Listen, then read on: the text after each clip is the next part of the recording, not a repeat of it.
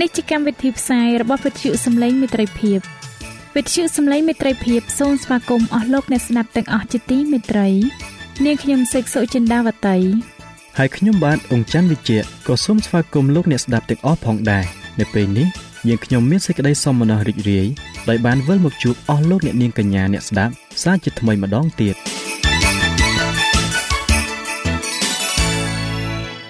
នាងខ្ញុំសេកសុចិន្តាវតី សូមជម្រាបជូនកម្មវិធីផ្សាយដែលមានជាបន្តបន្ទាប់ដូចតទៅនេតិជួបជាមួយព្រះបន្ទូលនេតិសុខភាពចា៎លោកអ្នកស្ដាប់ជាទីមេត្រី នាងខ្ញុំសូមគោរពអញ្ជើញអស់លោកលោកស្រី អ្នកនាងកញ្ញាតាមដានស្ដាប់កម្មវិធីផ្សាយរបស់វិទ្យុយើងខ្ញុំដូចតទៅ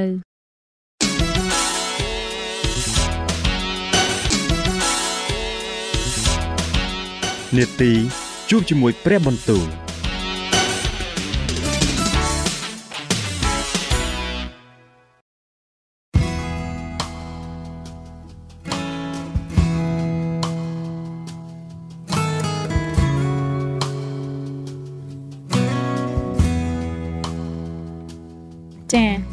ស់លោកអ្នកស្ដាប់ជាទីមេត្រី ជាដំបូងនាងខ្ញុំសូមអញ្ជើញលោកអ្នកនាងស្ដាប់នេតិជួបជាមួយព្រះបន្ទូលនេតិនេះនឹងលើកយកព្រះបន្ទូល ពីព្រះគម្ពីររបស់ខ្សត្រទី2ដែលនឹងជម្រាបជូនដល់លោកអង្ចាន់វិជ្ជៈដូចតទៅ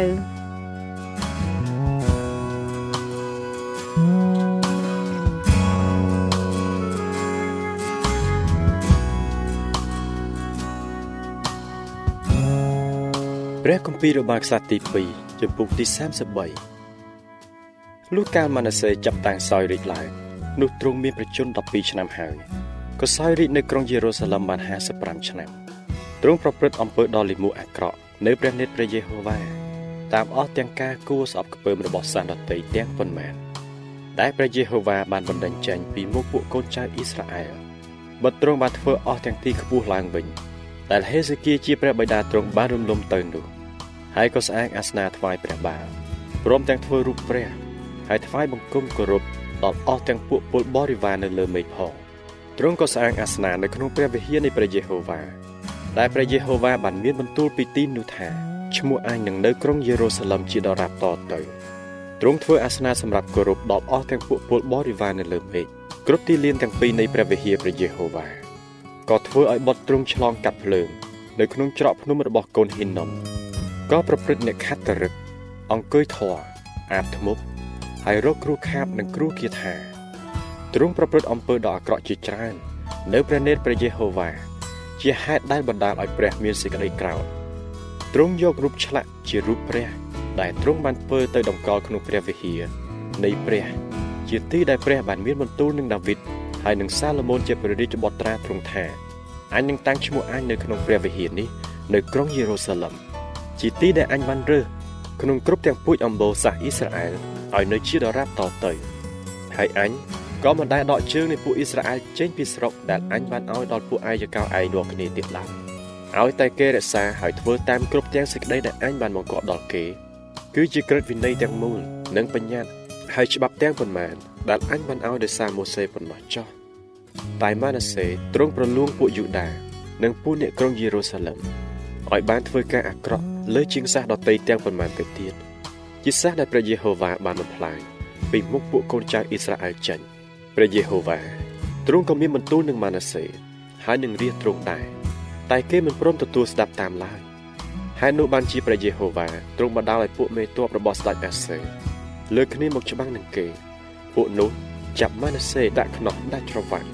នាំទៅឯក្រុងបាប៊ីឡូនតែកាលទ្រង់មានសេចក្តីវេទនានោះក៏ទូលអង្វរដល់ព្រះយេហូវ៉ាជាព្រះនៃទ្រង់ព្រមទាំងបន្ទាបព្រះតីចោះជាខ្លាំងនៅចំពោះព្រះនៃពួកអាយកោទ្រង់វិញក៏អធិស្ឋានហើយព្រះក៏ទុនព្រះハរតីស្ដាប់តាមសេចក្តីដែលទ្រង់ទូលអង្វរប្រោះនាំទ្រង់មកឲ្យរាជក្នុងក្រុងយេរូសាឡឹមវិញដូច្នេះទើបម៉ាណាសេបានជ្រាបថាព្រះយេហូវ៉ាទ្រង់ជាព្រះពិត ក្រោយនោះទ្រង់សង់កំផែងនៅខាងក្រៅកំផែងក្រុងដាវីតទៀតគឺត្រង់ច្រកភ្នំខាងលិចជ្រោះគីហុនរហូតដល់មាត់ទ្វារផ្សារត្រីក៏ធ្វើព័ទ្ធជុំវិញប៉មអបហែលដែរហើយបានធ្វើឲ្យមានកម្ពស់ឡើងជាច្រើនរួចទ្រង់តម្រូវឲ្យមានមេតបនៅអស់ទាំងទីក្រុងមានមន្ទីរនៅស្រុកយូដាទ្រង់យកអស់ទាំងព្រះនិស្សិតដតីនិងរូបព្រះនោះចេញពីព្រះវិហារនៃព្រះយេហូវ៉ាព្រមទាំងអាសនៈទាំងប៉ុន្មានដែលទ្រង់បានស្អាងនៅលើភ្នំនៃព្រះវិហារព្រះយេហូវ៉ា និងនៅក្នុងក្រុងយេរូសាឡឹមទៅបោះចោលនៅខាងក្រៅទីក្រុងរួចទ្រង់ស្អាងអាសនៈព្រះយេហូវ៉ាឡើងវិញហើយថ្វាយយ៉ាញ់បូជា ជាដង្វាយមេត្រី និងដង្វាយអស់ព្រះគុណនៅលើអាសនៈនោះក៏បង្គាប់ឲ្យពួកយូដាគោរពប្រតិបត្តិតាមព្រះយេហូវ៉ាជាព្រះនៃសាសអ៊ីស្រាអែលប៉ុន្តែពួកបណ្ដាជននៅថ្វាយចាញ់បូជា នៅលើអស់ទាំងទីខ្ពស់នៅឡើយតែគេថ្វាយដល់ព្រះយេហូវ៉ាជាព្រះនៃគេវិញរីឯដំណើរឯទៀតពីម៉ាណាសេ និងសេចក្តីដែលទ្រង់អធិស្ឋានដល់ព្រះនៃទ្រង់ព្រមទាំងពាក្យទាំងប៉ុន្មានដែលពួកអ្នកមួយឈុតបានទូលទ្រង់ដោយនៅព្រះនាមព្រះយេហូវ៉ាជាព្រះនៃសាសអ៊ីស្រាអែលនោះសុទ្ធតែបានកត់ទុកនៅក្នុងសៀវភៅពីកិច្ចការរបស់ពួកស្ដេចអ៊ីស្រាអែលហើយឯសេចក្តីអធិស្ឋានរបស់ទ្រង់និងការដែលព្រះបានទុនព្រះハរតីទទួលតាមទ្រង់ព្រមទាំងអំពើបាបនិងការរំលងរបស់ទ្រង់ទាំងប៉ុន្មានអស់ទាំងកន្លែងដែលទ្រង់បានធ្វើទីខ្ពស់ហើយតម្កល់រូបព្រះនិងរូបឆ្លាក់ មុនដែលទ្រង់បានបន្ទាបព្រះតីចុះនោះសុទ្ធតែបានកត់ទុកក្នុងពងសាវតាដែលពួកអ្នកមើលឆុតបានចរិតទុកហើយម៉ាណាសេក៏ផ្ទុំលក់ទៅ ជាមួយនឹងពួកអាយកោរបស់ទ្រង់ហើយគេបញ្ចុះសពទ្រង់នៅក្នុងដំណាក់ទ្រង់រួចអាម៉ូនជាព្រះរាជបុត្រាក៏ឡើងសោយរាជជំនួសព្រះបិតាកាលអាម៉ូនបានចាប់តាំងសោយរាជឡើងនោះទ្រង់មានប្រជុំ22ឆ្នាំហើយទ្រង់សោយរាជនៅក្រុងយេរូសាឡឹមបាន2ឆ្នាំទ្រង់ប្រព្រឹត្តអំពើដ៏លិមួកអាក្រក់ នៅព្រះនេតព្រះយេហូវ៉ាដូចជាម៉ាណាសេជាព្រះបិតាបានប្រព្រឹត្តដែរអាម៉ូនទ្រង់ក៏ថ្វាយយ៉ាញ់បូជាហើយគោរពដល់អស់ទាំងរូបឆ្លាក់ដែលម៉ាណាសេជាព្រះបិតាបានធ្វើឥតបន្ទាបព្រះទេចោះនៅចំពោះព្រះយេហូវ៉ាដូចជាម៉ាណាសេជាព្រះបិតាទ្រង់បានបន្ទាបនោះឡើយគឺអាម៉ូននេះទ្រង់បានប្រព្រឹត្តរំលងកាន់តែច្រើនឡើងឯពួកអ្នកបម្រើទ្រង់គេលើកគ្នាធ្វើគុតទ្រង់នៅក្នុងព្រះរាជដំណាក់ទៅ តែពួកអ្នកស្រុកគេសម្លាប់អស់អ្នកដែលបានលើកគ្នាក្បត់នឹងអាម៉ូននោះវិញគេលើកយូសៀសជាព្រះរាជបុត្រាតាំងឡើងជាស្ដេចជំនួសព្រះបិតាព្រះគម្ពីររបស់ខ្សត្រទី2ជំពូកទី34អាយុសៀការចាប់តាំងសោយរាជឡើងនោះទ្រង់មានប្រជជន8ឆ្នាំហើយក៏សោយរាជនៅក្រុងយេរូសាឡឹមបាន31ឆ្នាំទ្រង់ប្រព្រឹត្តសេចក្តីដែលត្រឹមត្រូវ នៅព្រះនេតព្រះយេហូវ៉ាព្រមទាំងដើរតាមអស់ទាំងផ្លូវរបស់ដាវីតជាអាយកោទ្រង់ផងអត់ងាកបែរទៅខាងស្ដាំឬខាងឆ្វេងឡើយត្បិតនៅឆ្នាំទី8ក្នុងរាជទ្រង់កាលទ្រង់នៅក្មេងនៅឡើយនោះទ្រង់ក៏ចាប់តាំងស្វែងរកតាមព្រះនៃដាវីតជាអាយកោទ្រង់លុះដល់ឆ្នាំទី12នោះទ្រង់ផ្ដើមជំរះសម្អាតស្រុកយូដានិងក្រុងយេរូសាឡឹមឲ្យរួចពីអស់ទាំងទីខ្ពស់រូបព្រះរូបឆ្លាក់ និងរូបសិទ្ធទាំងប៉ុន្មានចេញគេក៏បំបាក់បំបាយអាសនៈព្រះបាល នៅចំពោះទ្រង់ក៏កាប់រំលំរូបព្រះអាទិត្យដែលនៅខ្ពស់ពីលើគេព្រមទាំងរូបព្រះរូបឆ្លាក់និងរូបសិទ្ធទាំងប៉ុន្មានផង ហើយកាន់កំទេចជាផោងធូលីរួចរយរុះលើភ្នោខ្មោចរបស់ពួកអ្នកដែលបានថ្វាយយ៉ាញ់បូជាដល់ព្រះទាំងនោះទ្រង់យកឆ្អឹងពួកសង្ឃទាំងនោះទៅដុតលើអាសនៈរបស់គេដូច្នេះទ្រង់បានជំរះសម្អាតស្រុកយូដា និងក្រុងយេរូសាឡឹមរួចហើយទ្រង់ក៏ធ្វើយ៉ាងនោះនៅអស់ទាំងទីក្រុងរបស់ពួកម៉ាណាសេពួកអេប្រាអិននិងពួកស៊ីមៀនរហូតដល់ស្រុករបស់ពួកណៃថាលីនិងកន្លែងបាក់បែកនៅជុំវិញទាំងប៉ុន្មានដែរក៏រំលំអាសនាបំបាក់បំបែករូបព្រះ និងរូបឆ្លាក់ឲ្យទៅជាផង់ទលី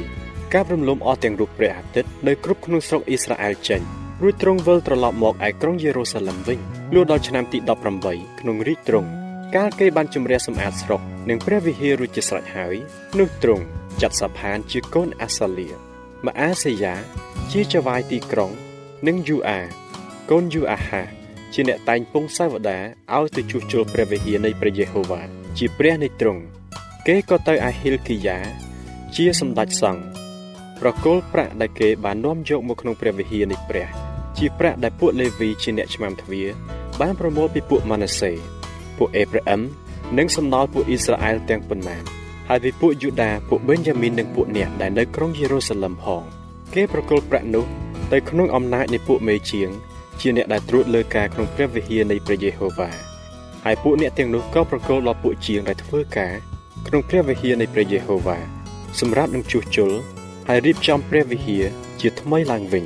គឺប្រគល់ដល់ពួកជាងឈើ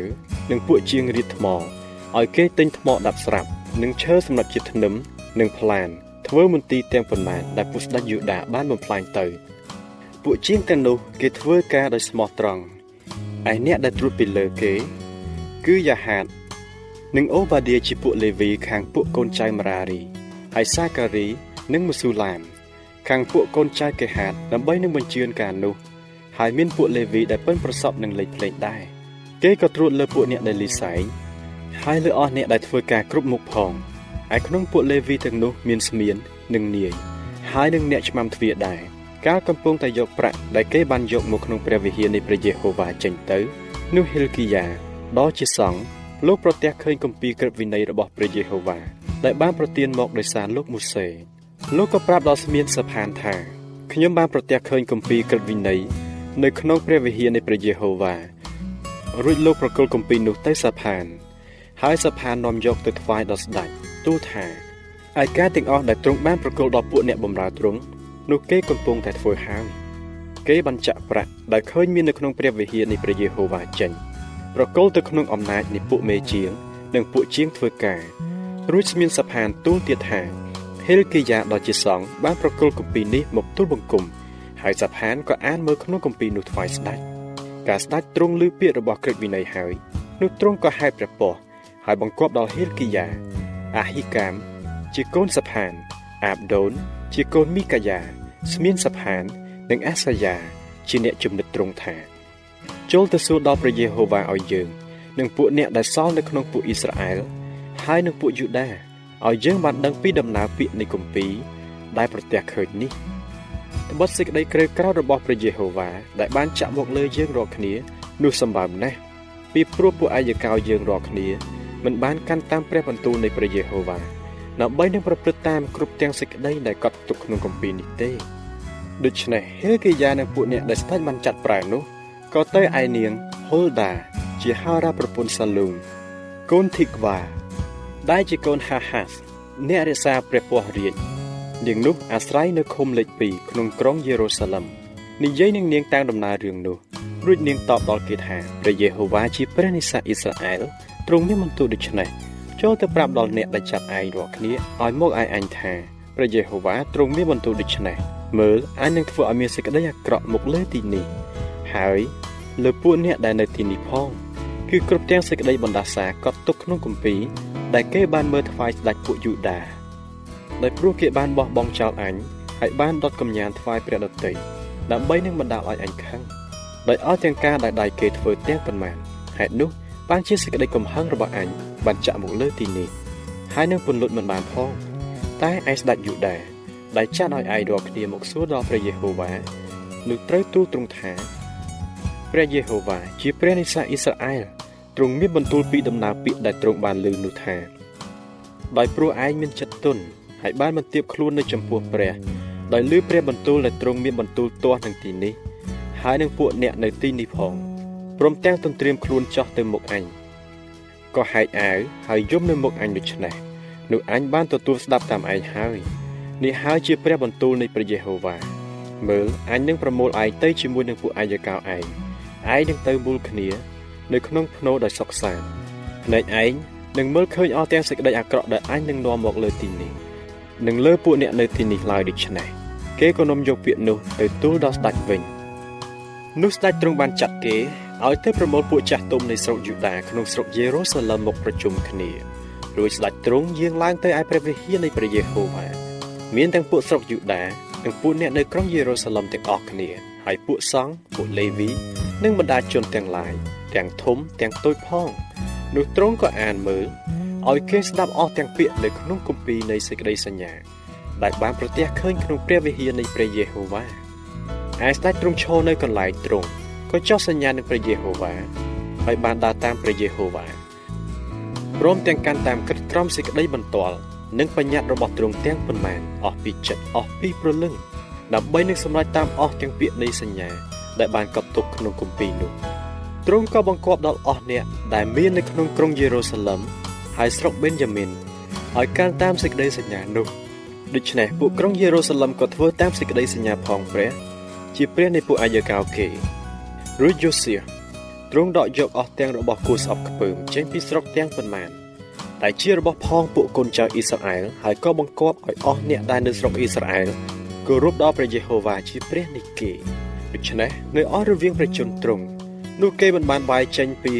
ការគោរពតាមព្រះយេហូវ៉ាជាព្រះនៃពួកអាយកោគេឡើយ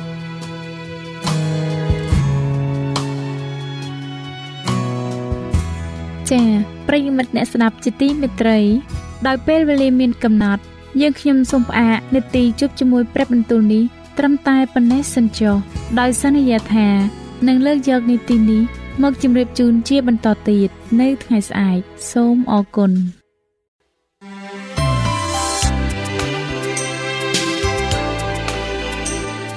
វិទ្យុសំឡេងមេត្រីភាព AWR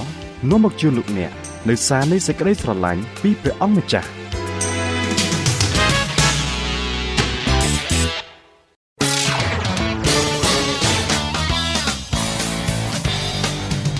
សូមជូននីតិសុខភាពច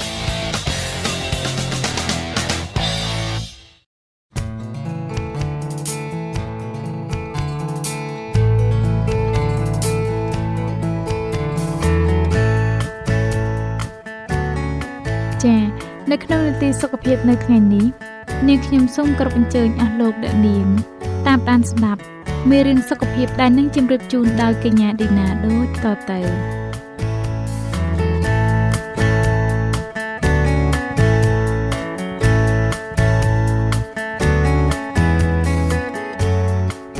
នេះខ្ញុំសូមជម្រាបសួរដល់អស់លោកអ្នកស្ដាប់ជាទីមេត្រីសូមឲ្យលោកអ្នកបានប្រកបដោយព្រះគុណនិងសេចក្តីសុខសាន្តអំពីព្រះដ៏ជាព្រះបិតានៃយើងហើយអំពីព្រះអង្គម្ចាស់យេស៊ូវគ្រីស្ទនិងខ្ញុំមានអំណរណាស់ដែលបានវិលមកជួបលោកអ្នកសាជាថ្មីនៅក្នុងនាទីសុខភាពនេះម្ដងទៀតហើយនៅថ្ងៃនេះនាងខ្ញុំសូមលើកយកមេរៀនថ្មីមួយទៀតដែលមានចំណងជើងថាខ្ញុំមានហ្សែនមិនល្អចាតើហ្សែនជាអ្វី បើលោកអ្នកមានហ្សែនមិនល្អតើមានអ្វីខ្លះកើតឡើងចំពោះលោកអ្នកដូច្នេះនេះខ្ញុំសូមគោរពអញ្ជើញលោកអ្នកតាមដានស្ដាប់មេរៀនសុខភាពរបស់យើងដែលនិយាយពីហ្សែនដូចតទៅចាភាសាបារាំងហៅថាហ្សែនហើយជាភាសាអង់គ្លេសគេហៅថាជីនហើយភាសាខ្មែរយើងហៅថាជាតិពិន្ទុតើហ្សែនឬជាតិពិន្ទុនេះជាអ្វី ក្នុងន័យធម្មតាហ្សែនគឺជាកោសិកាបន្តពូជដ៏តូចមួយដែលត្រូវបានផ្ទេរពីឪពុកម្ដាយទៅឲ្យកូនខ្លួន ហើយលក្ខណៈសម្បត្តិឬអត្តចរិតនោះត្រូវបានគេឃើញមាននៅក្នុងកូនចៅរបស់គេ ប្រធានបទស្ដីអំពីដំណពូជពិតជាមានសារៈសំខាន់ណាស់ដោយសារវាអាចប៉ះពាល់ដល់ជីវិតរបស់លោកអ្នកជាវិជ្ជមានបើទោះបីជាមេរៀននេះនិយាយតាក់ទងទៅនឹងវិទ្យាសាស្ត្រច្រើនជាងមេរៀនឯទៀតក្តីក៏ប៉ុន្តែព័ត៌មាននៅក្នុងមេរៀននេះមានតម្លៃណាស់ហើយអាចជួយសង្គ្រោះដល់អាយុជីវិតទៀតផង នៅរុស្ស៊ីមួយនោះអ្នកស្រី Julia កំពុងចេញដំណើរលំហែកាយនៅចុងសប្តាហ៍ជាមួយកូនស្រីពេញវ័យរបស់គាត់ទៅទីក្រុងធំមួយស្រាប់តែគាត់នឹកឃើញការណាត់ជួបគ្រូពេទ្យដែលត្រូវទៅថតមើលសដនរបស់គាត់គាត់គិតថាខ្ញុំចង់លុបការណាត់ចោលប៉ុន្តែមិនអីទេខ្ញុំគ្រាន់តែឆ្លៀតចូលថតទៅឯ clinic ក៏បានហើយយើងនឹងបន្តដំណើរកំសាន្តរបស់យើងពេលថតចប់ហើយ ហើយគាត់កំពុងពាក់អាវឡើងវិញស្រាប់តែអ្នកបច្ចេកទេសថតកាំរស្មី X ថតជាលើកទី2និងទី3គាត់ក៏បន្តដំណើររបស់ខ្លួនដោយការភ័យខ្លាចប៉ុន្មានម៉ោងក្រោយមកគាត់ក៏បានទទួលទូរស័ព្ទមួយថា Julia ខ្ញុំគឺជាវិជ្ជបណ្ឌិត New Mayer របាយការណ៍កាំរស្មីបានចេញមកហើយហើយយើងមានការបារម្ភអំពីដុំគិះតូចមួយ នៅលើសដនខាងឆ្វេងរបស់អ្នកស្រីទំហំនិងកម្ហាប់របស់វាប្រែប្រួលហើយ ខ្ញុំសូមអញ្ជើញអ្នកស្រីមកកាន់ clinic នៅថ្ងៃច័ន្ទដើម្បីយកជាលិកាទៅពិនិត្យថ្ងៃសម្រាប់ចុងសប្តាហ៍ប្រែក្លាយទៅជារឿងមួយដែលនឹកស្មានមិនដល់ព្រឹកថ្ងៃច័ន្ទឡើងអ្នកស្រីជូលីអង្គុយថ្មឹងដោយរូបចម្លាក់ហើយក៏មានការងឿងឆ្ងល់គ្រូពេទ្យបឋមដែលទទួលមើលថែនាងនិយាយឡើងថាតើយើងអាចរំលឹកឡើងវិញនៅប្រវត្តិមហារាជរបស់គ្រួសារអ្នកនាងបានទេគាត់ឆ្លើយទាំងការព្រួយបារម្ភថាចាបាន ខ្ញុំគួរណាស់តែបានគិតពីរឿងនេះទុកជាមុនម្ដាយរបស់ខ្ញុំមានជំងឺមហារីកសដន់ហើយមីងរបស់ខ្ញុំឈ្មោះណែលបានស្លាប់ដោយសារជំងឺមហារីកផ្សេងផ្សេងជីដូនមួយរបស់ខ្ញុំក៏បានវះកាត់សដន់ដែរមើលទៅទំនងជាជំងឺតពូជក្នុងគ្រួសារខ្ញុំហើយគាត់គិតក្នុងចិត្តថាតើឲ្យខ្ញុំធ្វើយ៉ាងម៉េចកូ នស្រីរបស់ខ្ញុំប្រហែលជានឹងទទួលវាសនាដូចខ្ញុំដែរហើយមើលទៅក្រោយមករបាយការណ៍ពិនិត្យលើជាលិកាបានចេញថាអ្នកស្រីជូលៀពិតជាការជំងឺមហារីកសដនមែនតែជំងឺមហារីករបស់អ្នកស្រីជូលៀពិតជាលទ្ធផលដែលទទួលបានមកពីដំណពូជមែនឬអីតើនាងទទួលកម្មពីឬចុះលោកអ្នកវិញក្នុងចិត្តរបស់លោកអ្នកតើលោកអ្នកមានចិត្តសង្ស័យថាថ្ងៃណាមួយលោកអ្នកនឹងទទួលបានការហៅទូរស័ព្ទដូចនោះពីវិជ្ជបណ្ឌិតរបស់លោកអ្នកដែរឬទេ នៅពេលមានប្រវត្តិនៃជំងឺមហារីកសូដនជាបន្តបន្ទាប់នៅក្នុងក្រុមគ្រួសារមានបុគ្គលខ្លះបានធ្វើតេស្តហ្សែនដើម្បីស្វែងរកហ្សែនមហារីកណាមួយឲ្យប្រកបអ្នកនាងលីនបានទៅពិនិត្យដូចនេះកាលពីអាយុ29ឆ្នាំលទ្ធផលបានបង្ហាញថាលទ្ធភាព70%នាងនឹងទទួលជំងឺមហារីកសូដនដែលគេដឹងថាមានគ្រោះថ្នាក់ដល់ជីវិតជាងគេបង្អស់តើនាងមានជំរឿអ្វីខ្លះនាងអាចធ្វើការកាត់សដនទាំងពីរចេញនាងអាចធ្វើការផ្លាស់ប្ដូរហ្សែនរបស់នាង ហើយអាចបិទហ្សែនមហារីកគ្រោះថ្នាក់បំផុតដែលមាននៅក្នុងខ្សែស្រឡាយគ្រួសាររបស់នាងដោយការផ្លាស់ប្ដូររបៀបនៃការរស់នៅរបស់នាងមិនថានាងជ្រើសរើសយកវិធីណាមួយទេនាងត្រូវមានភាពប្រកបប្រជានៅក្នុងចិត្តហើយត្រូវមានការពិនិត្យសុខភាពឲ្យបានជិតដិតបំផុតចំណុចទី1អ្វីក៏ដោយដែលបំរុងនឹងកើតឡើងវាគង់តែនឹងកើតឡើងទេតើវាអញ្ចឹងមែនឬនៅក្នុងពិភពលោកសប្តាហ៍នេះមានមនុស្សខ្លះជឿថាគេកើតមកមានលក្ខណៈយ៉ាងណាគឺយ៉ាងនោះហើយ គ្មានអ្វីដែលគេត្រូវកែប្រែទៀតឡើយចៅខ្លះនិយាយថាធ្វើម៉េចបើគេកើតមកធ្វើជាចៅអញ្ចឹងគិតកោខ្លះមានអារម្មណ៍ថា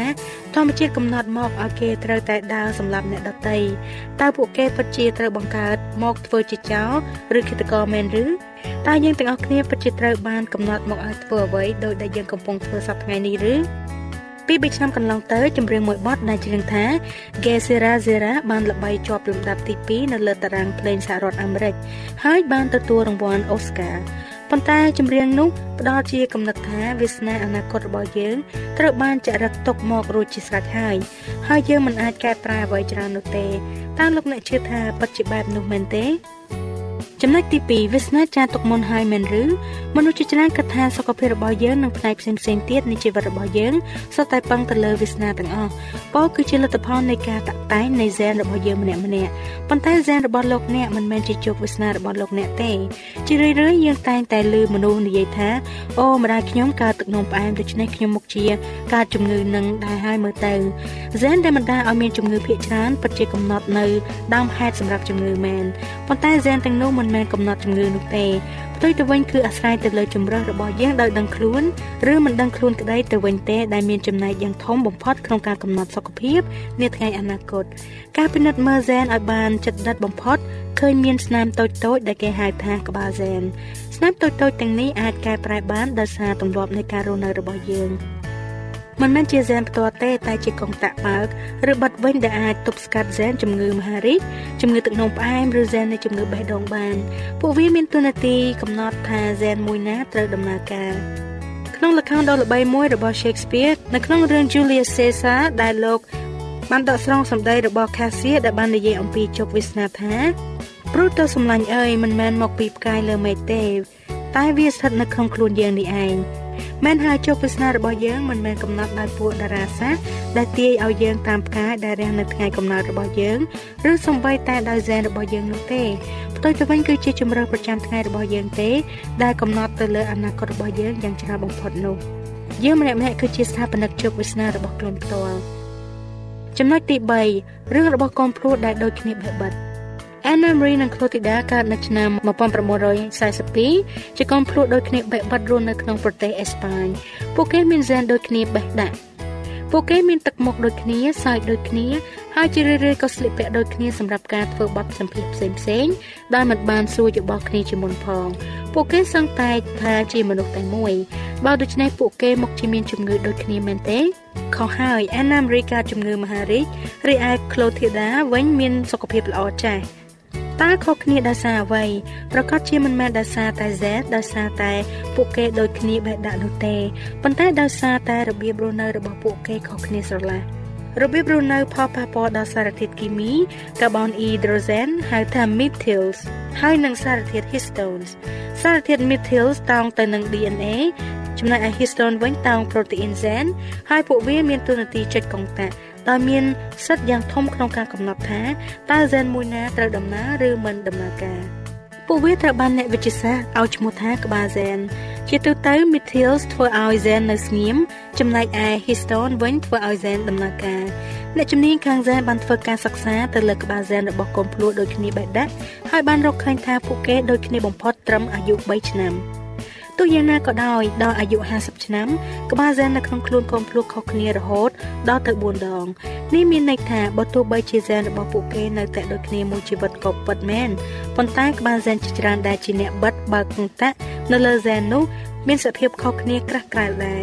ដំណើរពួយពីឪពុកម្ដាយមកដូចគ្នាប៉ុន្តែភាពខុសគ្នានៃរបៀបរស់នៅ និងបរិយាកាសបណ្ដាលឲ្យមានការប្រែប្រួលនៅក្នុងដំណើរការរបស់ហ្សែន ចំណុចទី4លោកអ្នកគឺជាអ្នកសម្រេចចិត្តទៅលើសុខភាពធំជាងគេបំផុតនៅពេលដែលពុកម្ដាយបង្កើតបានជាកូនមកពួកគាត់ផ្ទេរក្រូម៉ូសូមចំនួន23ទៅឲ្យកូនរបស់ខ្លួនប៉ុន្តែពួកគេក៏បានបញ្ជូនក្បាលហ្សែនដែលរៀបចំស្រាប់ ដោយកំណត់កុងតាក់ហ្សែនមួយណាត្រូវបើកនិងមួយណាត្រូវបិទរួចជាស្រេចយ៉ាងណាមិញ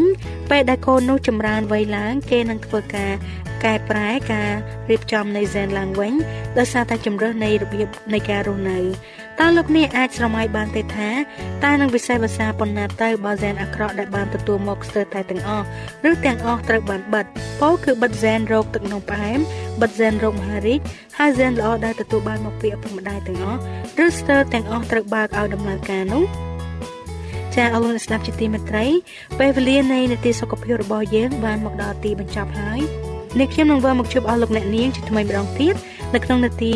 របស់យើងខ្ញុំនៅលើកក្រោយដែលបាននាំយកភាគទី2នៃមេរៀនដដែលនេះមកជូនដល់លោកអ្នកជាបន្តទៀតចា៎ដូច្នេះសូមឲ្យប្រជាម្ចាស់ប្រទានពរដល់អស់លោកអ្នកបងប្អូនទាំងអស់គ្នា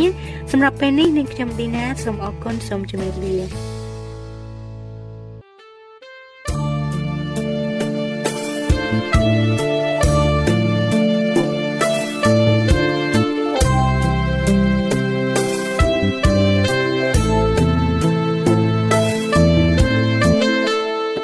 សិនជាលោកអ្នកមានសំណួរឬសំណុំពរអ្វីសូមតាក់ទងមកការិយាល័យវិទ្យុយើងខ្ញុំ តាមអាស័យដ្ឋានផ្ទះលេខ15ផ្លូវលេខ568សង្កាត់បឹងកក់2ខណ្ឌទួលគោករាជធានីភ្នំពេញលោកអ្នកក៏អាចសរសេរសម្បត្តិផ្ញើមកយើងខ្ញុំ តាមរយៈប្រអប់សម្បត្តិលេខ488ភ្នំពេញឬតាមទូរស័ព្ទលេខ012 34 96 64ឬ097 80 81 060ឬក៏តាមរយៈអ៊ីមែល vol@awr.org យើងខ្ញុំរងចាំទទួលស្វាគមន៍អស់លោកអ្នកនាងដោយក្តីសោមនស្សរីករាយហើយលោកអ្នកក៏អាចស្ដាប់កម្មវិធីនេះឡើងវិញ ដោយចូលទៅកាន់ website របស់វិទ្យុយើងខ្ញុំ តាមរយៈអាស័យដ្ឋាន www.awr.org